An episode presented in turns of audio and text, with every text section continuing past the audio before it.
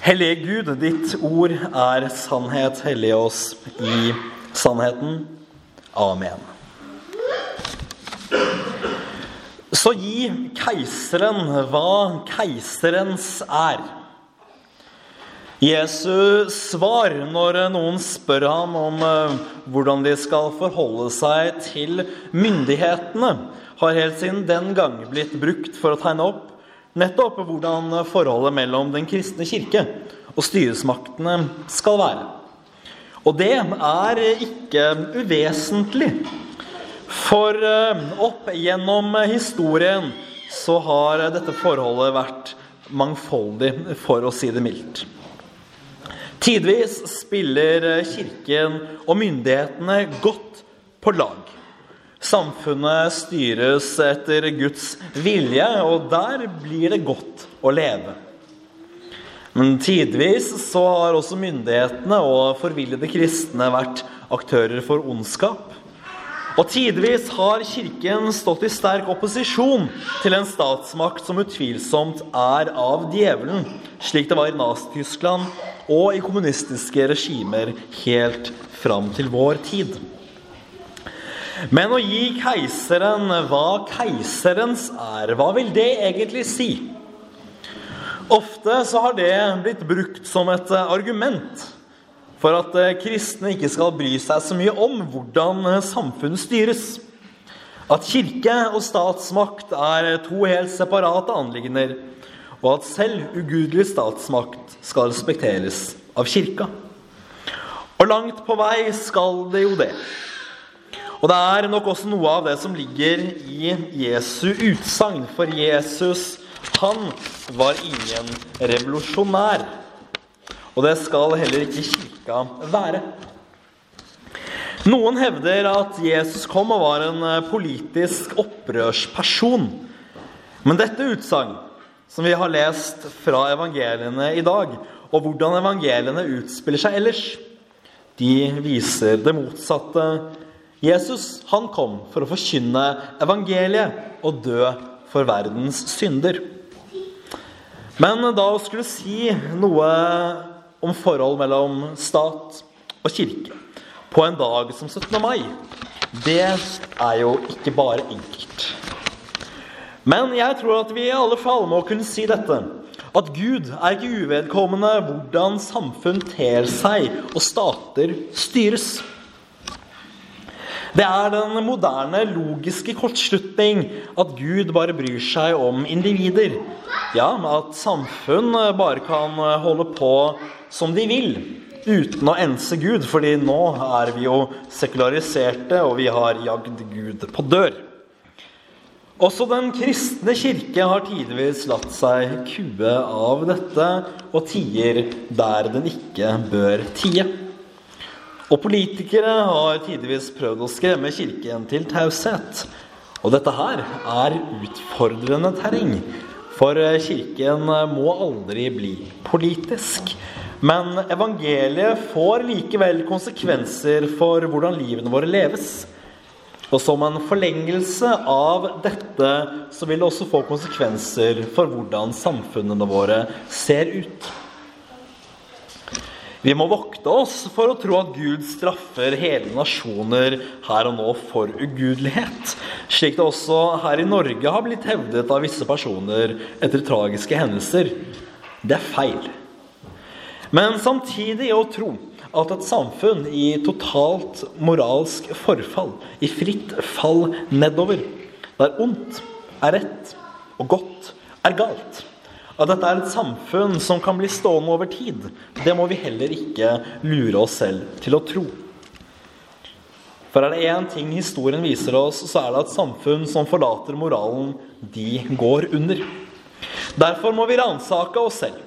Hvordan lever vi livene våre? Og hvordan ser nasjonen vi lever i, ut?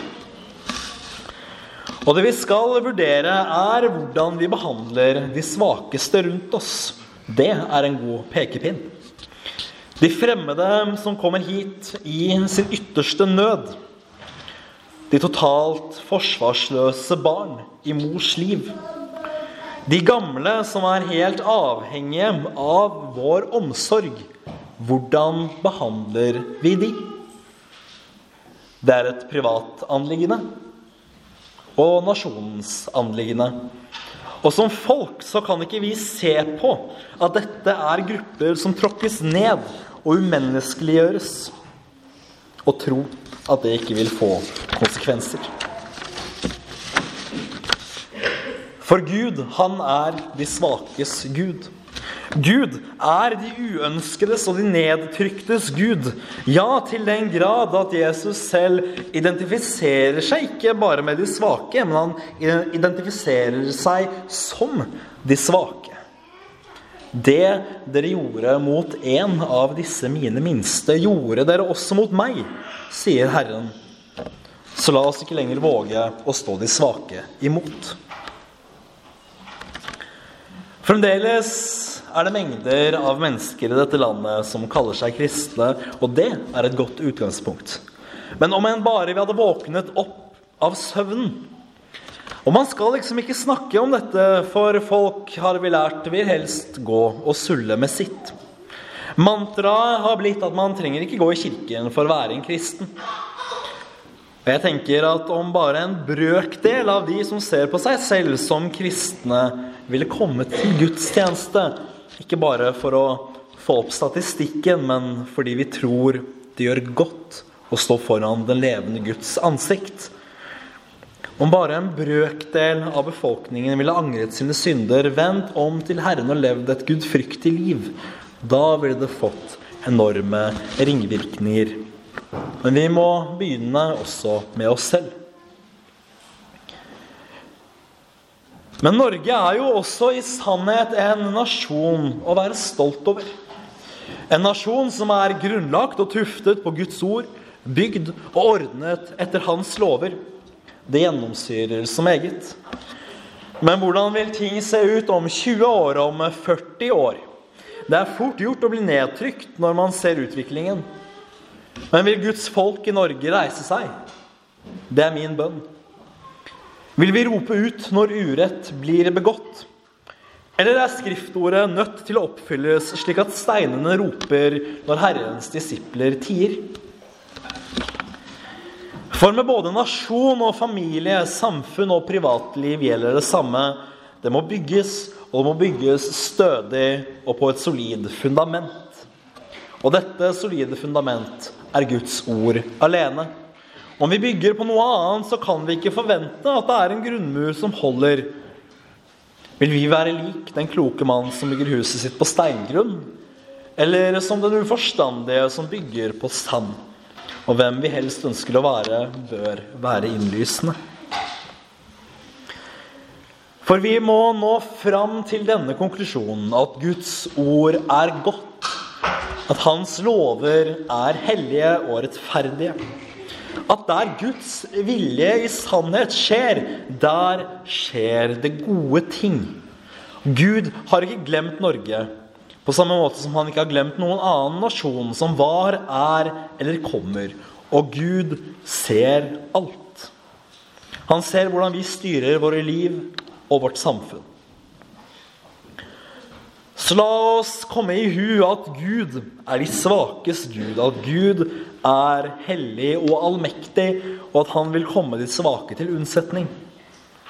Og la oss heller ikke stå Guds ord imot, verken som enkeltpersoner eller samfunn, men trofast lære å høre det. Et alvorsord på en gledens dag. Det tror jeg ingen egentlig tar skade av.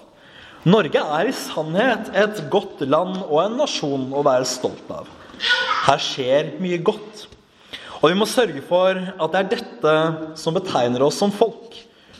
At vi er gjestfrie, vennlige og sannferdige. At vi står opp mot urett og undertrykkelse. At vi vender om til Herren og bygger liv, familie og samfunn på Herrens ord. Ære være Faderen og Sønnen og Den hellige ånd, som var, er og blir en sann Gud fra evighet og til evighet. Amen.